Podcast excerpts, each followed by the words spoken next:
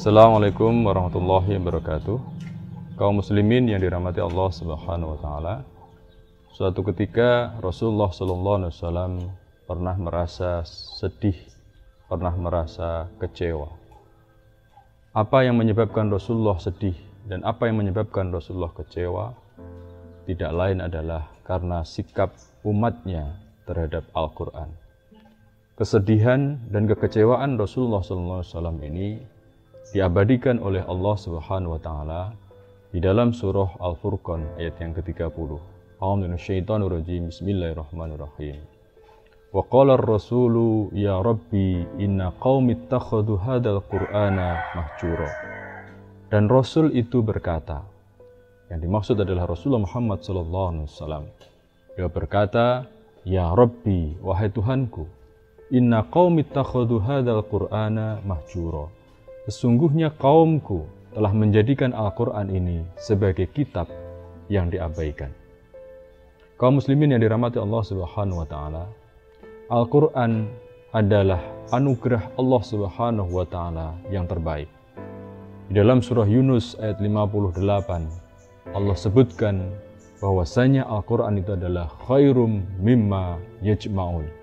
Lebih baik dibandingkan dengan apa saja yang mereka kumpulkan dibandingkan dengan harta yang kita miliki, sebanyak apa pun harta yang kita miliki, uang satu miliar, uang satu triliun, dan seterusnya, maka sebenarnya masih lebih tinggi nilai Al-Quran.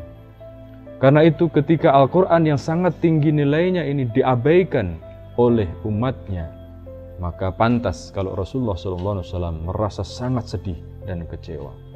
Lalu apa yang dimaksud dengan mengabaikan Al-Quran? Syekh Syekhul Islam Ibnu Taimiyah pernah mengatakan ada tiga golongan orang yang mengabaikan Al-Quran itu. Yang pertama adalah malam yakra'il Qur'ana faqad hajarohu. Siapa yang mengab, siapa yang tidak membaca Al-Quran faqad hajarohu, maka dia telah mengabaikan Al-Quran.